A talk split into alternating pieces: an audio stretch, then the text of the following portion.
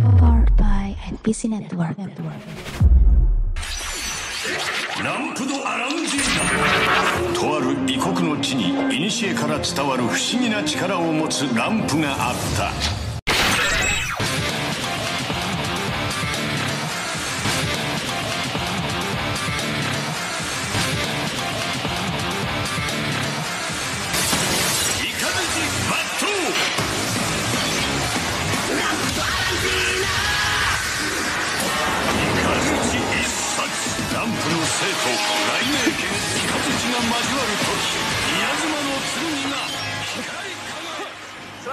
kembali di podcast Numpang Lewat, podcast Kamen Rider Tokusatsu dan juga Jepangan bareng gua Aquam dan juga Ray.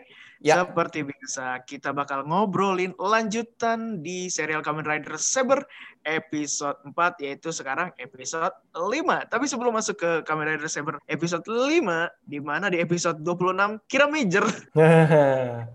Seru sekali ya. Untuk Iya, pertama seru. kalinya sekelompok superhero mengajarkan adik-adik kecil nggak apa-apa punya limit gitu. Waduh, iya betul-betul karena mereka dapat upgrade form, dapat Mm-mm. kekuatan baru, dapat kalau Sentai itu power up namanya. ya? Iya, betul. Ya, dapat power up de- di mana mereka sebelumnya kan kesulitan ngalahin musuh yang mereka juga dapat power up dari apa namanya? Kane Yodona, Yodona. enggak batunya batunya apa? Oh, Grandstone. Iya ya, Kir Kirama Grandstone ya. Ah, Kanaema, bukan. Kanaema Stone, Kanaema Stone, Iya, Kanaema Stone. aduh, susah sekali sebutnya. Jadi mereka kesulitan untuk menghadapi musuh-musuhnya itu, tapi pada akhirnya si Juru dapat apa namanya Hiramekingnya, dia dapat upgrade form baru, dapat senjata baru, yang mana senjatanya mirip dengan Heliosnya Betul. Bima X. Bima Sakti lagi, Bima Sakti pemain bola, Bima X Satria Garuda Gitu. Bima X. Dan ini Heliosnya yang ini ya, eh, Bima X yang yang awal kan. yang enggak yang dia jadi warna biru Storm. Oh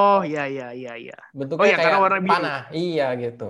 karena panah gitu. Gue Nah, jadi itu curiga dia. ada orang dalam yang punya hak paten Bima X ini ngomong ke Sotaro Ishinomori, ayo dong bikin pajangannya yang kayak Wah. gini dong, biar penjualan di Indonesia nih Helios yang tipe Storm masih banyak nih di gudang gitu, biar adik-adik kecil Indonesia mau beli-beliin gitu. Wah, berarti suaminya Syahrini kenal sama orang dalamnya kira major ya? Bisa jadi, bisa jadi, bisa jadi. Reno Barak, Reno Barak. Nah terus lu kayaknya ada sesuatu yang diperhatikan nih dari inian nih kira major nih. Oh, iya kemarin gua gua baru sadar sekilas ya. Nggak tahu teman-teman yang lain mungkin ada yang sadar lebih dulu dibanding gua ya. Ternyata tuh kostumnya mereka tuh cukup dipikirkan dengan matang ya. Jadi gua kan ngeliatin si Kirame Blue sama Kirame Pink ya. Dia punya garis tuh kalau yang garis di ininya ya, eh, badannya itu kan dia satu garis panjang ya, warna hitam sama silvernya panjang gitu. Belakangan gua kayak perhatiin pas mereka berubah kan ada animasi kendaraan mereka yang pesawat sama helikopter. Jadi gue merasa jangan-jangan ini satu garis panjang nih untuk menggambarkan ini tuh kayak ya ini pesawat gitu eh, di bandara gitu. Landasan bandara kan ya garisnya nggak putus-putus dan manjang gitu sih. Itu doang. Oh iya iya. Jadi bisa dikatakan kalau misalkan yang Kirame Blue itu Halim Perdana Kusuma, Kirame Pink itu ini Pondok Cabe, Iya betul betul bandara. Aduh. landasan, landasan. Eh, tapi kayaknya seru ya kalau misalkan kita ngomongin kira major ya. Mungkin kalau hype-nya dan di Twitter banyak yang mention kita gitu. Ayo Wis. dong bahas, ayo dong bahas gitu. Iya dong bahas. Makanya kalau Kalau yang pengen silahkan ke Twitternya numpang lewat ID Ya itu dia. dan dihajar aja di kolom komentar dan di tweet-tweetin gitu. Tapi jangan Iya, DM DM ancaman-ancaman tidak jelas ya. Weh, bukan dong. Soalnya gue juga nonton sampai sejauh ini 26 episode kira major belum pernah skip nih. Iya sama sama setuju setuju. Sama, belum pernah skip. Bahkan openingnya juga sumpah ya, gue belum pernah skip loh. Hmm, setuju, itu setuju. dia. Jadi menurut gue sih ini cukup menarik untuk diikuti dan cukup menarik untuk dibahas ya. Tapi mungkin nanti kali ya. Mm-mm, Nanti betul, betul. ya kita akan mempersiapkan segala sesuatunya. Mm-mm, Tungguin mm-mm. aja. Itu. Asik. Kita Nah, sekarang kita mau bahas di Kamen Rider Saber dulu. Wah. ya Kamera Saber episode 5 Mm-mm. melanjutkan episode 4 di mana di situ mereka sudah mulai mewaspadai pergerakan dari desa sama juga Kalibur. Mm-mm, mm-mm. Nah, terus di situ sempat kan tuh bagi-bagi tugas siapa yang menghadapi Megiddo, siapa yang lawan eh, Kalibur, siapa yang ini itu, siapa yang ini ini gitu kan. Mm-mm, mm-mm. Terus apa tuh si Rentaro juga menyelidiki gelembung-gelembung. Nah, Gelembung-gelembung pelangi. gelembung-gelembung pelangi itu. Kan itu juga tadi di Twitter juga ada tuh kan yang nanyain kita kan. Iya, heeh. Yang nanyain kita tuh nih akunnya @memet Ahmad Hambali. Nah, dia bilang kan tuh anomali bubble sampai harus diinvestigasi sama Rintaro. Menurut lu itu dia ngapain tuh? Ya, gue belum tahu ya karena bukan gue penulis ceritanya. Wadaw. ya iya maksudnya gini, gue gue ngomong jujur, gue nggak tahu jawabannya apa gitu. Kayak oh ya bagus lah kalau misalkan dari sekian banyak karakter masing-masing tuh dipetakan ya tujuannya ngapain gitu. Jadi kayak mungkin nanti eh, ada orang yang suka karakter yang apa, begitu nonton adegan tersebut mempelajari sesuatu yang baru gitu. Oh ternyata dibalik dari semua kejadian ini tuh gini gini gini dan lain sebagainya gitu. Karena memang kayaknya dari episode awal tuh selalu ada gelembung-gelembung gitu ya. Iya iya.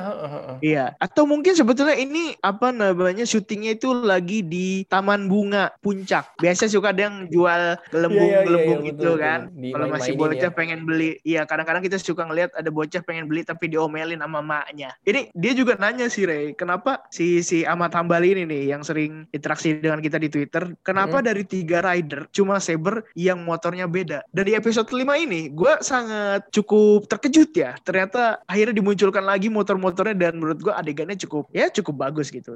Hmm, hmm. Terus setuju setuju. Memang kelihatan si motornya si Espada itu kan beda sama motornya si Saber. Iya. Ya mungkin hampir sama juga setipe sama kayak motornya Blaze. Nah menurut lu kenapa tuh bisa bisa beda? Jawaban yang paling masuk akal itu ya, kenapa dibedakan? Tentu saja buat penjualan merchandise-nya dong. Ini motornya karakter utama kayak gini nih, ramping, sporty, motorsport gitu. Kalau ini ya motor orang kaya gitu, roda tiga. Oh, cuma kalau gue kalau gue melihat di episode 5 ini kenapa motornya si Saber ini beda daripada motor yang lain mungkin Kamen Rider yang ada di Kamen Rider Saber ini Kamen Ri- Rider lainnya itu sebetulnya punya motor juga. Mungkin hampir semuanya atau bahkan semuanya masing-masing punya motor. Cuma motornya itu kayak motor mass product gitu kayak produksi Hmm. massal. cuma Hmm. mungkin nanti yang beda itu adalah warnanya. Nah kenapa si Saber ini beda sendiri? Karena satu dia tokoh utama. Dua kalau misalkan lo lihat di episode 5 si Kalibur ini juga punya obsesi. Hmm. selain si Toma yang merupakan manusia dengan obsesi kepada janji si. Kalibur juga di situ dilihat kalau dia itu mengincar sekali yang namanya Wonder Ride Book-nya Brave Dragon sama Kaiken Reka Hmm. Nah cuma kita masih belum tahu nih sebetulnya tujuan dia ngincer One Ride Book apa namanya Blast Dragon sama Kaiken Reka itu apa. Tapi kalau misalkan kita menyimpulkan dari sini berarti ya memang si Kamen Rider Saber ini adalah tokoh ataupun karakter yang punya keistima- keistimewaannya sendiri gitu. Jadi Hmm. dia itu spesial. Makanya kenapa dia motornya beda kalau menurut Hmm. gua gitu ya. Nah Kita mau terus lanjut Twitter lagi nih ya, satu kali lagi kayak abis Oh, boleh, boleh, bahas. boleh, boleh, boleh, boleh. Ini ada yang menarik sih dari Ahmad Hambali ya, nomor 4 nih pernyataannya dia. Scene ini harusnya penting metode perawatan pedang. Jadi tuh di episode 4 ini ada semacam mekanik pedangnya ya yang bernama Daishinji Tetsuo yang diperkenalkan oleh Rintaro ya tentunya. Dia dari episode kemarin selalu tugasnya ngenalin orang ya. Ini namanya ini, ini namanya itu gitu gitu. Iya, iya. Ya, si Daishinji Tetsuo ini tuh kayak ya dia orang yang nyeleneh gitu ya, mungkin gaya-gayanya. Dia periksa pedang dan lain sebagainya. Berarti ada kemungkinan pedang ini bisa mengalami kerusakan menurut gua ya. Jadi pedangnya ini sekaligus beltnya ya, alat tubuhnya tidak terlalu kuat gimana-gimana banget. Mungkin ya karena ini udah era Rewa ya, bisa jadi kayak kemarin kejadiannya si Zero One gitu hancur drivernya segala macam. Kita nggak pernah tahu, tapi ya itu tadi gitu. Cuman nih si Ahmad Hambali ini berkomentar ya, posisi pas pedangnya dibenerin dan lain sebagainya gitu. Kalau gue belum bisa jawab panjang lebar ya, tapi gue cuma mau komentarin dengan adanya Wonder Ride Book yang ditaruh di lacinya, itu memperlihatkan kita dan kepada adik-adik kecil bahwa di X Wonder Ride Book ini nantinya juga akan diperjualbelikan di X holdernya Wonder Ride Book. Sudah pasti. Iya dong. Sudah iya. pasti. Semua untuk bisa menjadi duit gitu kan. Tapi tapi tapi ya Mhm. lu perhatiin deh laci Wonder Ride Book itu kayak ini tau kayak tempat masaknya kue pukis sama kue pancong kue pancong ya kan iya betul, kan betul, betul. Aduh, aduh, lucu banget.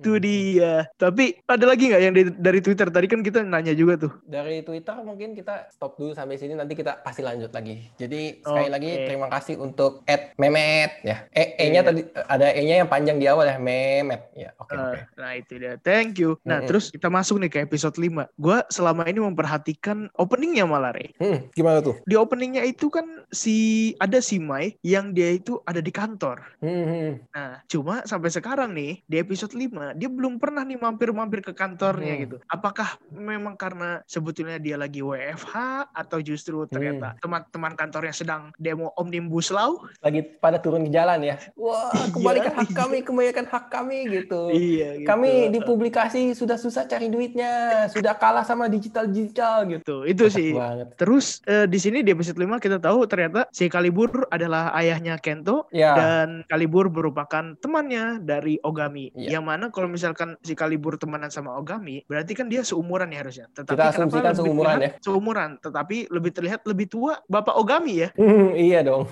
Gue tahu kenapa jawabannya Wam. Kenapa? Karena Bapak Ogami pakai baju kerah dilipat ke atas. Waduh. Wow. Atribut seorang bapak-bapak. Wow.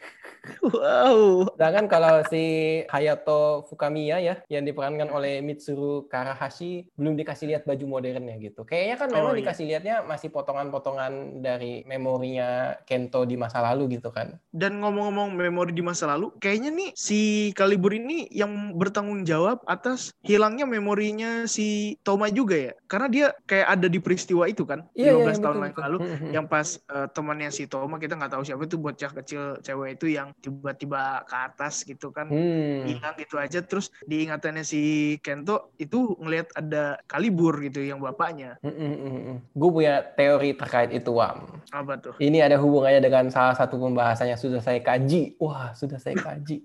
Jadi kan memang di episode 5 ini salah satu fokusnya adalah karakter Kento ya, di mana dia dia sudah tahu sebelumnya bapaknya adalah pengkhianat, walaupun belum tahu alasannya apa, gitu kan. Dia masih bertanya-tanya dan sehingga dia punya keraguan-raguan gitu. Nah, somehow gue merasa si Kento Fukamiya ini nih mirip sama karakter di Kamen Rider Ghost yang Oh, siapa bernama Makoto Fukami. Makoto Nicang Iya, mungkin di internet tuh udah banyak gitu teorinya. Wah ini mirip, wah ini mirip gitu. Paling gue mau nambah-nambahin aja sih gitu dan meng-highlight lagi kepada pendengar yang belum tahu ya. Si Kento ini punya seorang bapak yang ternyata menjadi jahat dan menjadi Kamen Rider berwarna ungu, betul ya? Centang dulu tuh satu. Iya, iya, iya. Terus di namanya ada kata TO sama ada kata Fukami. Ah. Makoto, Kento, Fukami, Fukamiya gitu kan ya. Rambutnya sama-sama disisir ke samping poninya, samping kiri pula. Nah, berhubungan dengan teori yang tadi gue mau sebut, apakah jangan-jangan adik kecil yang hilang itu merupakan seorang adik perempuan dari si Kento? waduh Tapi saya tidak bisa jawab gitu ya, karena ya ini kan teori-teori ngasal aja gitu. Eh, tapi kan si ceweknya itu teriak namanya teriak nama Toma bukan Kenapa soalnya? Kento si Kenapa, siapa kenapa? namanya si cewek si ceweknya itu teriakin namanya nama Toma bukan nama Kento kan Ya bisa aja kan eh adik suka sama kakak saudara gitu. Oh. Gimana sih istilahnya? Kayak kakak-kakak begitulah angkat ya. gitu.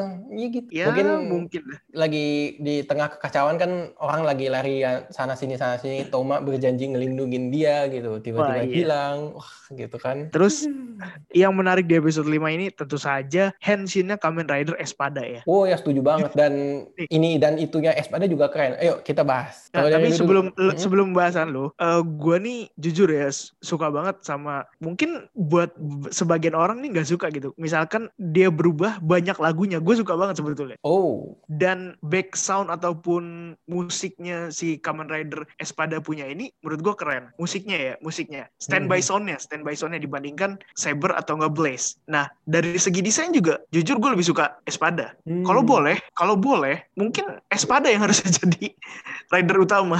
Atau minimal jadi rider kedua lah ya, jangan rider ketiga. Iya, tapi nggak bisa, soalnya warnanya bukan merah. Iya, iya bener bener bener bener. Karena kan kebanyakan rider-rider utama itu kan merah, kalau nggak ya punya elemen-elemen yang merah kan. Tapi itu make sense sih. Kemarin udah kuning ya. Udah Zero kuning, One. ya, kuning. Mm-mm. Tapi matanya merah, Oh iya. Agito Nah, Agito kan? kuning sama mata merah Agito juga ya. Oh matanya iya. merah, Kuga merah, Ryuki merah, Betul betul betul betul. Vice betul. ada merahnya, Iya, Blade iya. ada merahnya. Hmm, ya kan? Tapi itu bisa ini sih, kenapa banyak banget yang karakter utama itu punya warna merah dan dari tokusatsu ini. Misalkan Kamen Rider Super Sentai juga leadernya kan merah. Hmm. Jadi eh, kalau di Jepang itu merah tuh ya itu tadi melambang sama sih sebetulnya kayaknya sama kita juga ya kayak melambangkan keberanian, Hmm. melambangkan kepemimpinan, api semangat gitu. Dan eh, merah itu buat bendera Jepang kan bulatannya warna merah. Iya gitu. betul setuju. Mm-mm. Itu kenapa sih alasannya eh, harus merah gitu. Ini intermezzo aja. Tapi Mm-mm. di rider lain juga kan ada yang putih Forze, Ada merahnya dikit sih. ada matanya juga merah. Tom tombol switchnya merah, Merah. kan kalau yang di beltnya. Itu. Nah, kalau lu gimana? Espada nih, Espada karena yang mencuri perhatian kan tentu aja dia kan. Iya setuju. Gua, aduh gue semangat banget nih bahas Espada ya dibanding Buster kemarin. Espada ya kita bahas. Kalau tadi kan lu udah dari musik ya, gue demen tuh musiknya juga. Gue demen dari kostum dan penamaan dan gimmicknya sih. Jadi setelah gue baca-baca ya, dia tuh berasal dari kata Spanyol. Istilah pedangnya Spanyol, istilahnya dari bahasa Spanyol gini sih, Espada Ropera. Jadi sebenarnya dia nama pedang rapier ya. Jadi pedang rapier itu bagi yang belum tahu, itu tuh kayak pedang eh, negara Spanyol dan beberapa negara Eropa lain yang dia tuh tipis panjang, tapi tuh eh, gerak-geriknya tuh bukan buat nebas ya, tapi lebih ke arah nusuk gitu. Tebas sih ada eh, sesekali, tapi lebih dominasi di tusuk gitu. Jadi tuh pas gua lihat mm, dia Henshin ya, dia kan kayak gaya-gayaan gitu. Terus ada apa sih efek-efek tebasannya ke matanya kan, visornya gitu kan. Betul nggak Wam? Ya betul. Nah, terus gue baru ngeh kenapa visornya dia itu melingkar gitu ya. Itu tuh karena kan tanduknya itu kan kayak pedang nih. Jadi kan kalau pedang nusuk kan ya efek memberikan efek ada sesuatu yang berlubang dong gitu. Makanya dia kayak ces gitu. Dia kan di kepala gini nih. Itu sih yang gue tangkap mungkin ya. Nah, terus juga kalau pada saat di berantem pertama ya dalam keadaan keren ya. Wow, itu kan dia tangkis-tangkisnya jago banget tuh. Dan di beberapa gerakan awal dia tuh nusuk musuhnya. Nusuk sambil tangannya tuh eh, tangan kirinya tuh siaga gitu. Dan gue baca-baca dikit sih ini memang gaya berantem pedang-pedangannya entah itu dari negara eh, Spanyol atau beberapa negara Eropa lainnya. Khususnya tuh di abad 14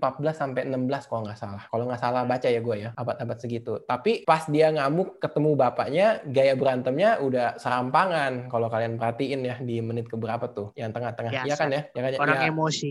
Mm-mm, iya orang emosi ya asal tebas aja gitu jadi nggak ada seninya lagi hilang di situ nah sama yang ada dua lagi nih yang gue perlu highlight dari Espada kalau si Brave Dragon ya pas Henshin kan kalian bisa lihat ih aneh banget desainnya di bagian paha ke bawah jubahnya cuman pincang sebelah gitu ya kan ya di jubah kakinya Iya, iya. Sedangkan kalau si Espada ini eh, dia kan Lando Alangina ya KW-nya Aladin tapi nggak boleh Hmm. sebut Aladin karena hak cipta Oh, oh iya bener bener. Iya kan ya jadi oh iya bener Iya bener. kan jadi di KW-in gitu. Jadi buat Kecuali Aladin ini Hmm. kali. Eh tapi ada Aladin yang lain tuh. Yang Aladin motherfucker.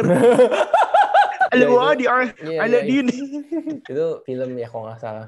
Oke, Diktator. si Lamdo Alangina ini kan di bagian kirinya si Espada ya. Ah. Dia bentuknya eh, lampion, lampu dan lampion yang ada rantainya gitu biar tutupnya nggak hilang. Iya iya. Ya kan ya. Terus di situ ternyata ada mata si Jin ya. Kayaknya sih warna biru di bagian sini. Dan ada jubahnya ya. Jubahnya ini tuh kayak eh, bukan di bagian kaki ke bawah tapi lengan bahu ke tengah badan gitu ya. Tuh gue lihat-lihat sih desain orang-orang zaman dulu dari Eropa ada yang kostumnya kayak gitu dan ada juga yang beberapa jubahnya itu disertai dengan tali atau rantai gitu. Oh Jadi iya iya. iya, menurut iya. gua eh, ini menarik sih gitu dan gue tuh kayak jubahnya tuh gue penasaran ini jubahnya dia atau karpetnya dia pas dia pertama kali ketemu si Toma di episode 3 ya eh episode ya ya ya episode 2 akhir dia kan tiba-tiba datang ke toko bukunya Toma kan naik karpet kan jangan-jangan itu karpetnya kayak disimpan di situ Wow, waduh, waduh, wah.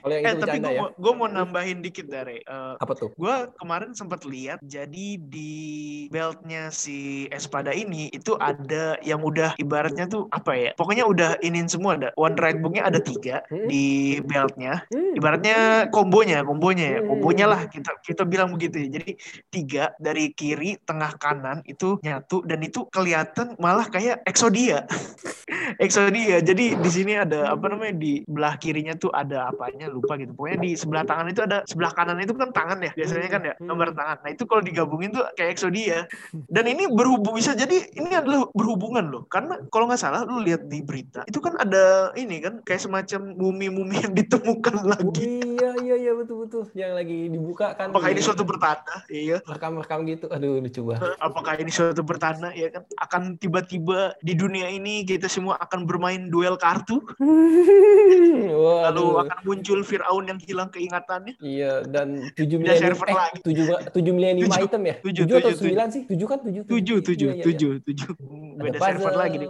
Ada Jadi. Yu-Gi-Oh lagi. Waduh, waduh, waduh. Dah lanjut dulu. Nah ini sama terakhir jurusnya kan Trueno Destroda ya. Itu Hmm. bahasa Spanyol dari Halilintar penghancur. Wah. Ngomong-ngomong soal Halilintar ya. Asyap gitu kan, Ya, yang ini itu gue kan. pengen bahas nih. Si Kento ini sepertinya gestur punya gestur khusus kasih sayang antar bapak dan anak ya. Jadi rambutnya di dibelai-belai ke belakang gitu, ya kan? Oh iya, iya, iya. iya. Mungkin itu sebabnya eh, dia yang belum move on ya. Jadi rambutnya tetap gondrong biar kalau dia lagi pengen ingat bapak, dia tinggal mainin-mainin rambutnya gitu. Mungkin kalau dia sudah move on dari bapaknya, antara dia potong rambut, kalau nggak dia pakai headband gitu, tulisannya AHA. Jadilah dia 18 gitu kan.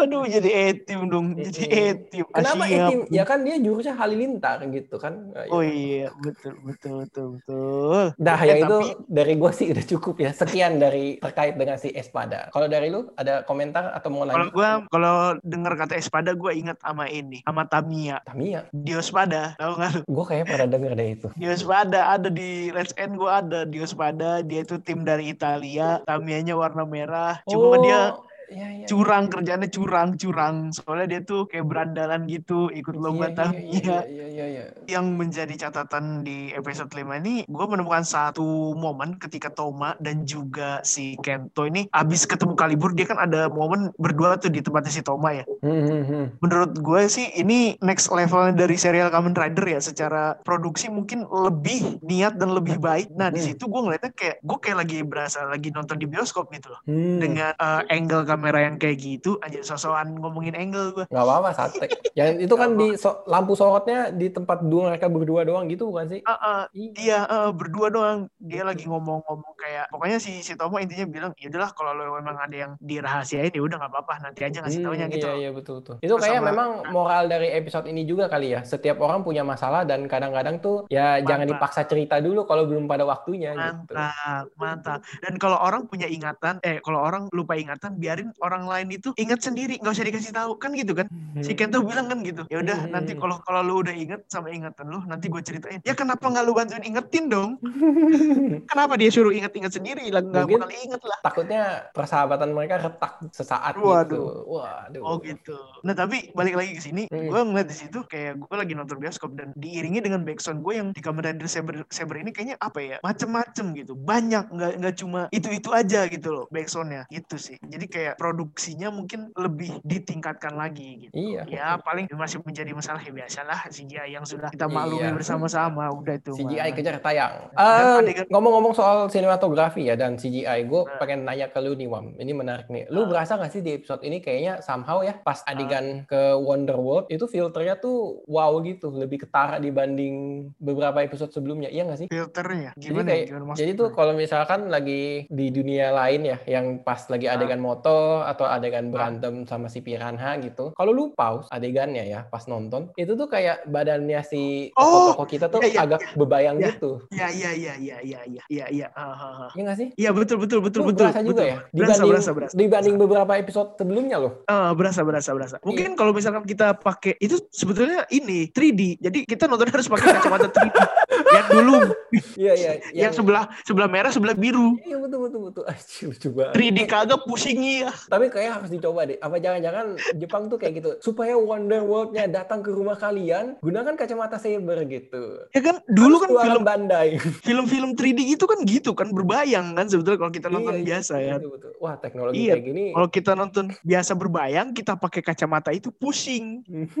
Keluar-keluar kagak pusing iya, pusing. Tapi iya ya, Ada eh, di- bener ya. Gua berarti Ah, gua nggak sendirian. Bener nih. bener bener. Lu juga Benar, merasa benar, benar. relatif lebih. Kalau menurut lu itu oke atau eh, kayaknya harus dikurangin? Atau ada Menurut gue sih, kalau gue biasa aja. Karena kalau misalkan memang itu adalah cara untuk membedakan antara dunia nyata dengan Wonder World, yaitu Hmm. wajar. Karena itu adalah pembedanya gitu loh. Hmm. Jadi bener-bener kayak, oh ini berarti dia masuk ke dunia lain gitu, bukan di dunia nyata gitu. Karena emang dia kan settingannya kan kayak gitu kan. Iya iya iya betul. Tapi Gitu. eh, Kalau gue sih biasa aja. eh, kalau menurut gua mungkin agak perlu diturunin ya. Gua gua kayak mata gua kacamatanya kan agak-agak gimana Pusing. gitu. Gua agak pusing gitu. Dan gua tuh Wah. membandingkan di beberapa episode sebelumnya pas mereka ke Wonderworld tuh eh, enggak gitu gitu. Sebenarnya Hmm. efek-efek praktis kayak kasih busa-busa pelangi doang menurut gua udah bisa memberitahu gua oh ini tuh dia mereka lagi di Wonderworld jadi chill about it Oh. aja gitu. Itu sih menurut gua ya. A- Atau mungkin Mm-mm. yang kayak gitu dihilangin tapi ya udah ada gelembung-gelembung itu juga menurutnya menurut gue sih udah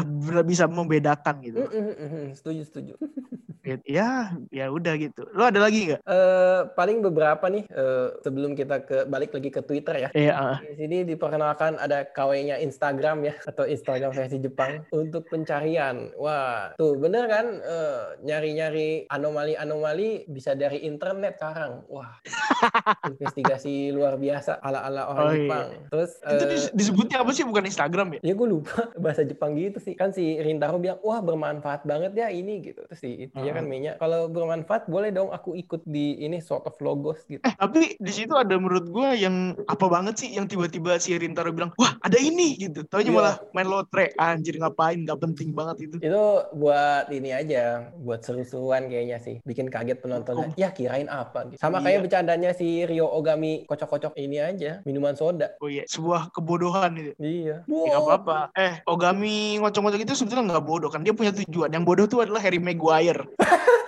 dibahas Back Eh, MU. kocak banget tadi kita sempat bahas sedikit ya teman-teman ya sebelum kita ngomongin ini Coba di Twitter ada apa? Di Twitter, di Twitter ada apa lagi? Iya, heeh, heeh. Oke, eh, kita kembali ke Twitter lagi. Sebelum kita sudahi kali ya episode ini udah lumayan panjang Iya. nih, setengah jam ada. Di Twitter nih ada yang mantep banget nih. Mau dari lu atau gua dulu yang baca? Lu aja yang baca. Karena gue punya sesuatu yang Oh, kayak di oke. Twitter ini. Tapi versi gue. Sip, sip, sip. Oke, jadi ada ini terima kasih banget nih dari another Abare Killer ya, at Abare Excitement, Saber, Brave Dragon, plus Storm Eagle, sama dengan Jin Burning Falcon. Oh, bener banget. Sudah bisa terbang, Ah, bisa, elemennya bisa. api, Bisa, bisa. Burung lagi, burung. Mm-mm, ya ya kan? kan? Sama eh, ini nih, satu lagi dari dia ditambahin gitu ya. Dia eh, lah kok ada Anakin Skywalker Jepang ini mengacu pada si ini ya, Kamen Rider Calibur ya, Hayato Ah. Fukami yang diperankan oleh Mitsuru Karahashi. FYI ya teman-teman ya, Mitsuru Karahashi ini merupakan seorang aktor ya yang sudah berkecimpung di dunia Kamen Rider dan Sentai beberapa tahun yang lalu.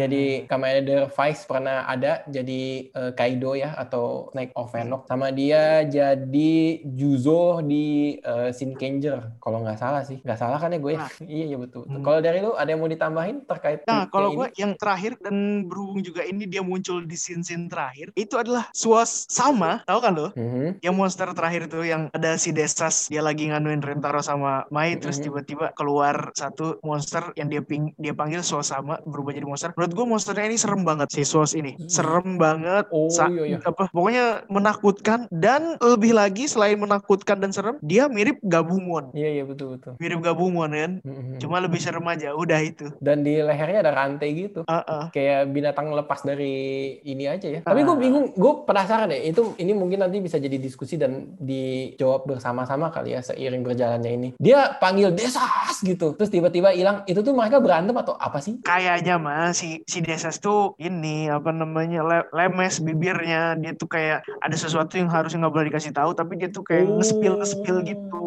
ini menunjukkan kalau buat orang-orang yang suka spoiler jangan kayak gini gitu Iya iya iya betul Tuh, betul. makanya mungkin nih si Suasnya nih marah sama si Desas lu nggak lu ngapain sih lu ngasih ngasih tahu gitu belum saatnya ngasih tahu kan Mm, mm, mm. gitu. oh sama satu gue keingetan si siapa namanya si Kalibur ternyata kayak bisa ngambil kekuatan gitu ya ngambil kekuatan. nggak tahu ngambil kekuatan atau enggak tapi dia kayak pas dia berantem sama Saber itu Heeh. kan kayak ada yang mengalir dari Saber terus pindah ke Kalibur gitu loh Oh energinya gitu ya. iya Mungkin ya. iya tapi nggak nggak diapa-apain sih abis itu Mm-mm. Tapi Nah, itu itu itu jadi iya seru sih itu kayak sama-sama naga ya, cuman yang satu naga kegelapan, yang satu naga api gitu kan. Ya kita lihatlah ke depannya ya. Mm-mm. iya Mantap. karena kayak masih panjang juga dan paling episode berikutnya kan muncul ini kan Kenzan doang kan. Iya. Tapi Kenzan yang kemunculan paling- Kenzan, ah sorry. Paling munculnya dia di ini menit-menit terakhir.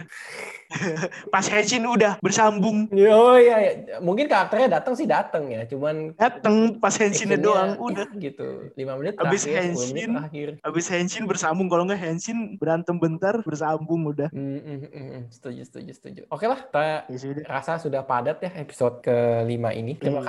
Kasih buat pendengar yang sudah Yoi. setia mendengarkan episode-episode numpang lewat podcast ya. Terima kasih Yoi. juga untuk follower-follower Twitter yang sudah sering komen-komen tweet kita. Terima Yoi. kasih juga nih tadi Mantap. ke Ahmad ya, Mehmet sama Abare Excitement. Yo, Oke, ditunggu kita- yang lainnya. Ntar, Mm-mm. ntar kayaknya kita bakal lebih sering ini kali ya. Jawab Interaksi aja ya. gitu. So- Sotoy aja sotoy nggak apa-apa. Kita aja sotoy ya. iya iya. Nggak apa-apa, nggak salah. Oke, itu aja. Mm-mm. Sekali lagi thank you buat yang udah dengerin dan jangan lupa follow Twitter dan Instagram kita @numpang lewat ID